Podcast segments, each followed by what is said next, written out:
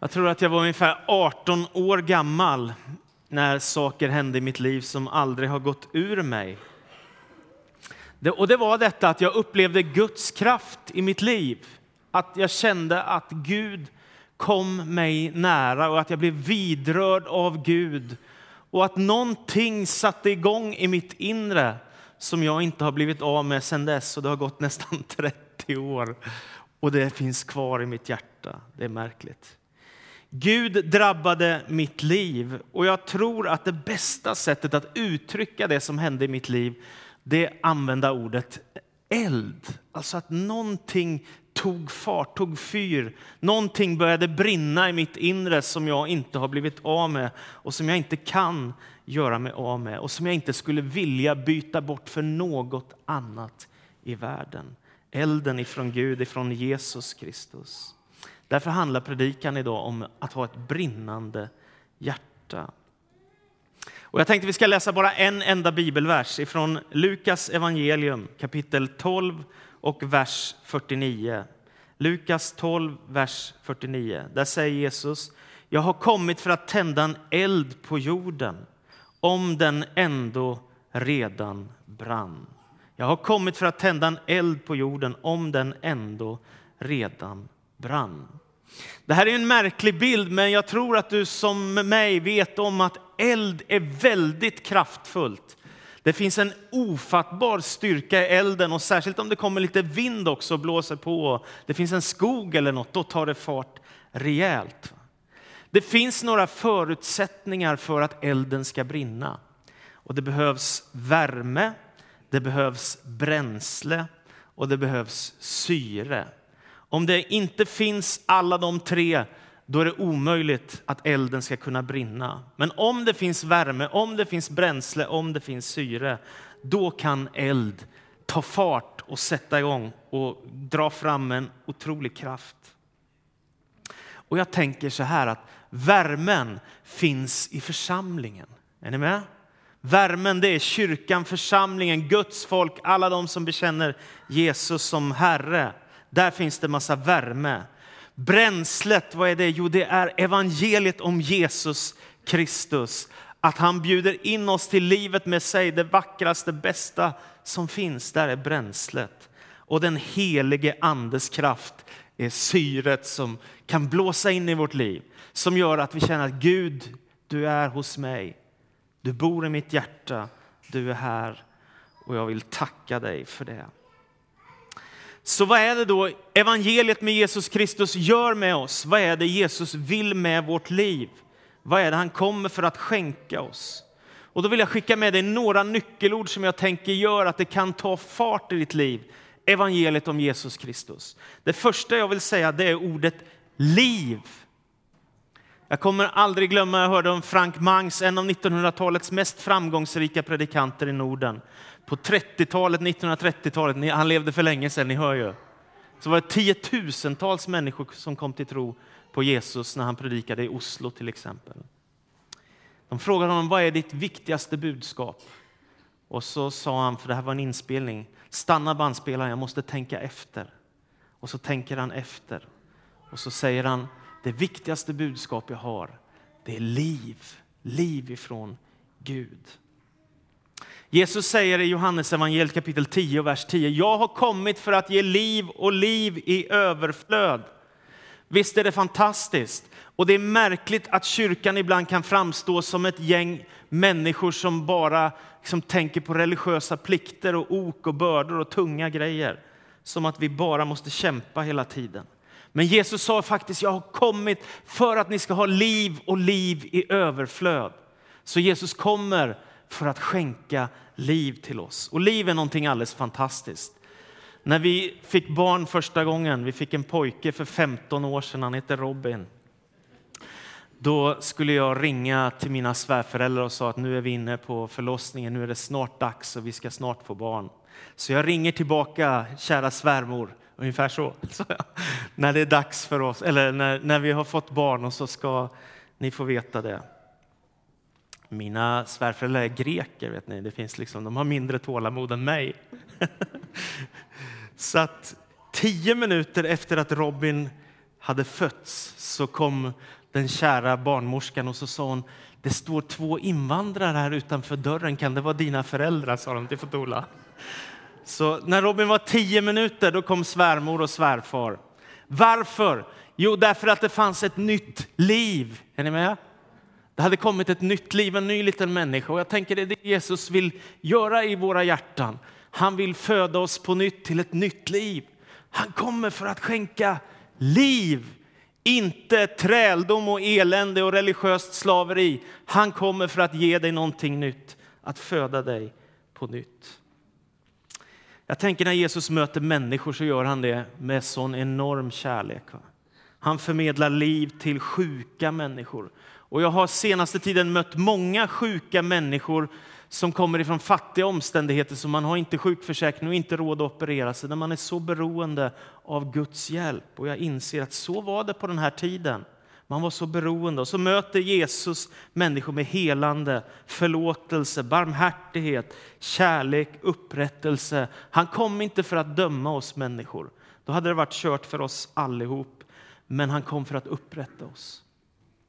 Och jag har ett sånt fantastiskt bönesvar också som jag har varit med om sista tiden som har med liv att göra. Ni vet ju den situation som är nu i världen med de syriska flyktingarna som ju är fruktansvärd.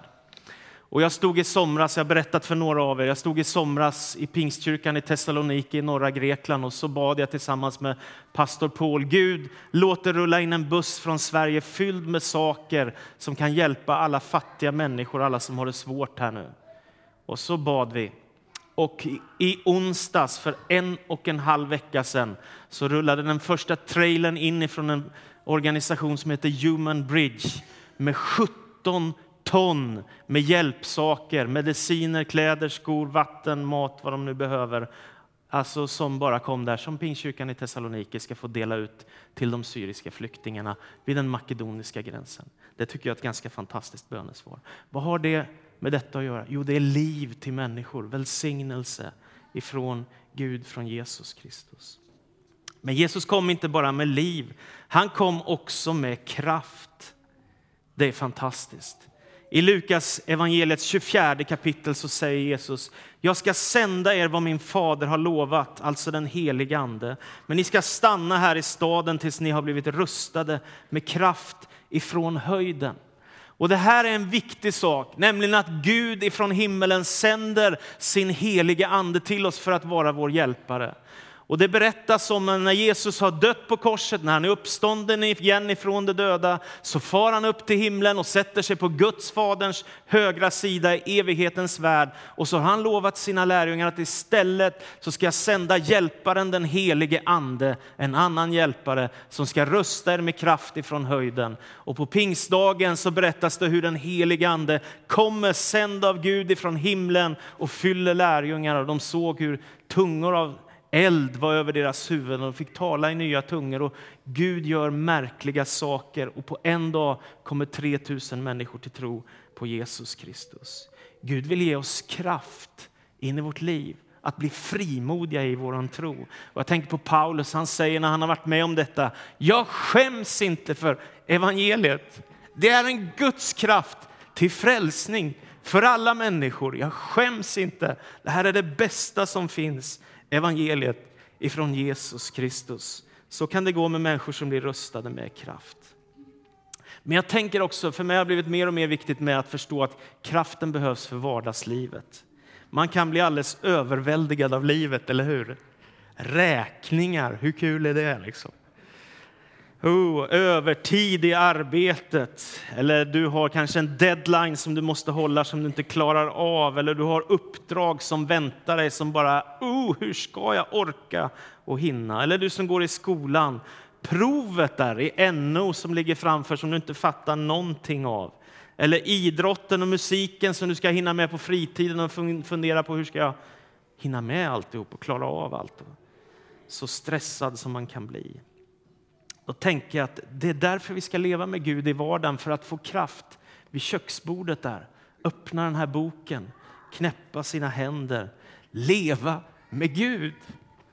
Det gör något med ens hjärta att få kraft in i vardagslivet, att leva tillsammans med Jesus. Jag tänker på en gammal, gammal sång som är så vacker. Och när andra du välsignar, gå ej mig förbi. Gud, när du välsignar andra människor, låt strömmen få komma över mig också.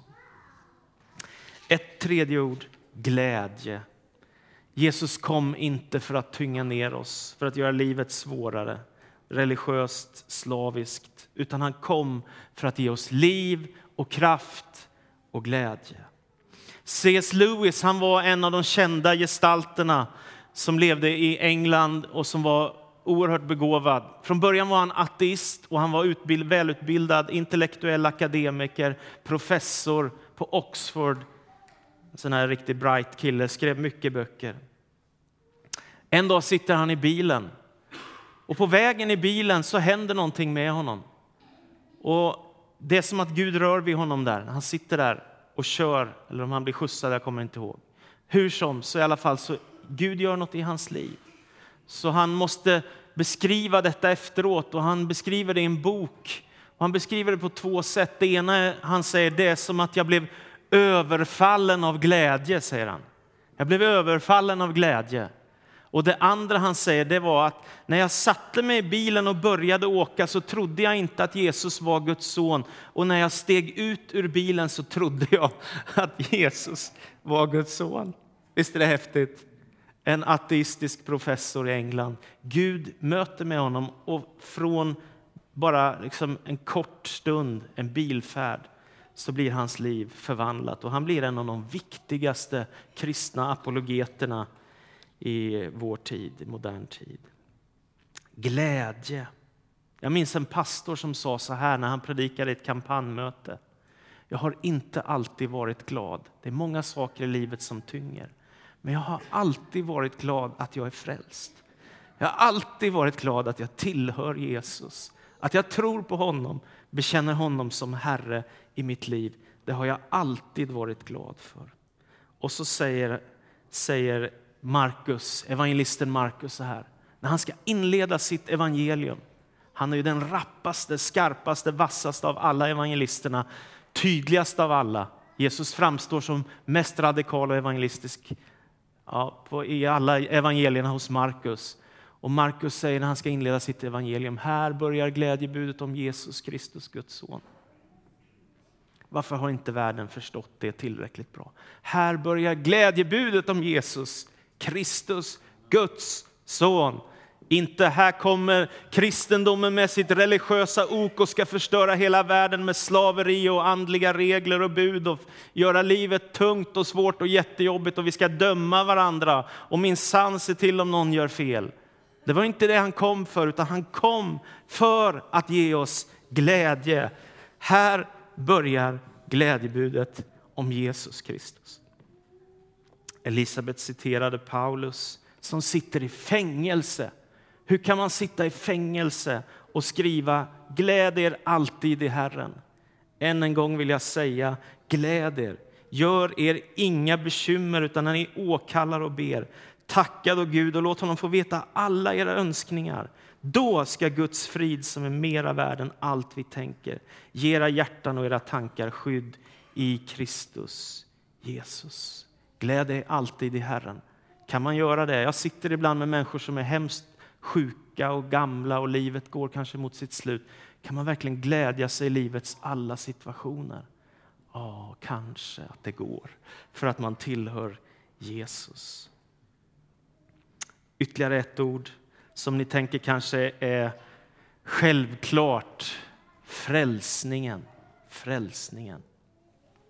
Jesus kom för att ge oss liv, han kom för att ge oss kraft, han kom för att ge oss glädje. Han kom också för att ge frälsning. Förlåtelse är ett ord som är jättemodernt och populärt. Det finns i hur många böcker som helst. En av de som säljer mest just nu tror jag det är ärkebiskopen Desmond Tutus bok om förlåtelse som har med Sydafrika och hela den svårighet som de har gått igenom där med apartheid och sådana saker. Och att förlåta en sån där, ett sånt nyckelord i den situationen. Och psykologer och psykoterapeuter talar med människor om att göra upp med det bakgrund man har med sin barndom eller med sina föräldrar eller med människor som har gjort en illa och säger du måste förlåta så att du slipper bära de där bördorna i ditt liv. Och det som Jesus gör, det är mycket, mycket större än detta. Därför när Symeon som var en profet som var i Jerusalems tempel en dag är där och har fått ett löfte från Gud att han ska få se Messias, så en dag så kommer Maria och Josef in i templet och så bär Maria på Jesusbarnet och då står det att Symeon han fylls av profetisk glädje och så ropar han ut, Herren, nu låter du din tjänare gå hem i frid som du har lovat. Ty mina ögon har skådat frälsningen som du har berättat åt alla folk. Vilken skön profet! Han känner, nu har jag sett Messias, nu har jag sett Jesus. Herre, nu kan jag dö. Nu räcker det. Nu behöver jag inte leva längre, för nu har jag sett Messias. Det räcker för mig. Frälsningen som du har berättat för alla folk. 30 år senare dör Jesus på ett kors på Golgata. Och det är många människor som har dött på ett kors, tyvärr. Ondskan är stor i världen. Vad är det som skiljer Jesu död på Golgata från alla andra människor som råkat ut för martyrskap? Jo, det som skiljer det är att på Golgata kors så bär Jesus Kristus hela mänsklighetens skuld och synd och ondska i sin egen kropp för att försona himmel och jord, människa och Gud och ställa oss inför Gud igen så att vi kan bli förlåtna, frälsta, upprättade, nya skapelser, födda på nytt, fyllda av helig ande och i tro leva med Jesus Kristus. Det är därför Petrus säger när han står inför Stora rådet i Jerusalem i Apostlagärningarna 4, när de frågar honom hur har allt det här gått till med helande och frälsning? Så säger han, hos ingen annan finns frälsningen och ingenstans under himlen finns något annat namn som kan rädda oss. Och jag tänker på Micke, en kille som jag mötte som var en riktig stjärna i brottning. Han var en av de bästa unga killarna i Sverige. Men så händer en olycka. Han skadar ryggen ordentligt vilket gör att han måste sluta i 20-årsåldern. Det leder honom in i depression, det leder honom in i droger och efter en tid så är han en av dem som knarkar där jag bodde då. Så en dag så kommer en kristen i hans väg, bjuder med honom på ett möte på LP-stiftelsen. Och det är ett arbete som handlar om att hjälpa missbrukare ur sitt missbruk och ta emot Jesus. Och Micke kommer in i den här atmosfären och han blir så djupt berörd och tårarna strömmar från hans kinder och han längtar efter Gud och han längtar efter Jesus och han längtar efter frälsning. Och någonting väcks där som skulle förvandla hans liv sen. Och så berättade han för mig när vi satt och pratade, det var ett antal år sedan. Jag satt i bilen på väg hem ifrån det här mötet och så kände jag att knarket som jag hade i min ficka, det ska jag slänga. Så jag vevade ner rutan och så tog jag upp knarket ur min ficka och så kastade jag ut det. Och sen har det aldrig mer hänt i mitt liv att jag gjort sådana saker. Fascinerande. Och så började han leva med Jesus.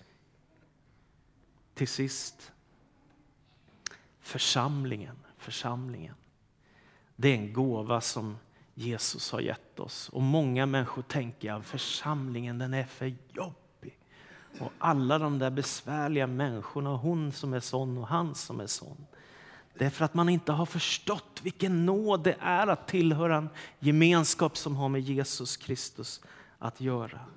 Vi blir ett Guds folk. Vi blir en gemenskap som tillhör Kristus som tillsammans ska vandra och leva i tron på Kristus. Och han har gett sitt löfte till sin församling. På den klippan ska jag bygga min kyrka och dödsrikets portar ska aldrig få makt över den och jag ska ge dig nycklarna till himmelriket. Det är vad kyrkan har fått av Jesus själv och den finns idag i alla världsdelar.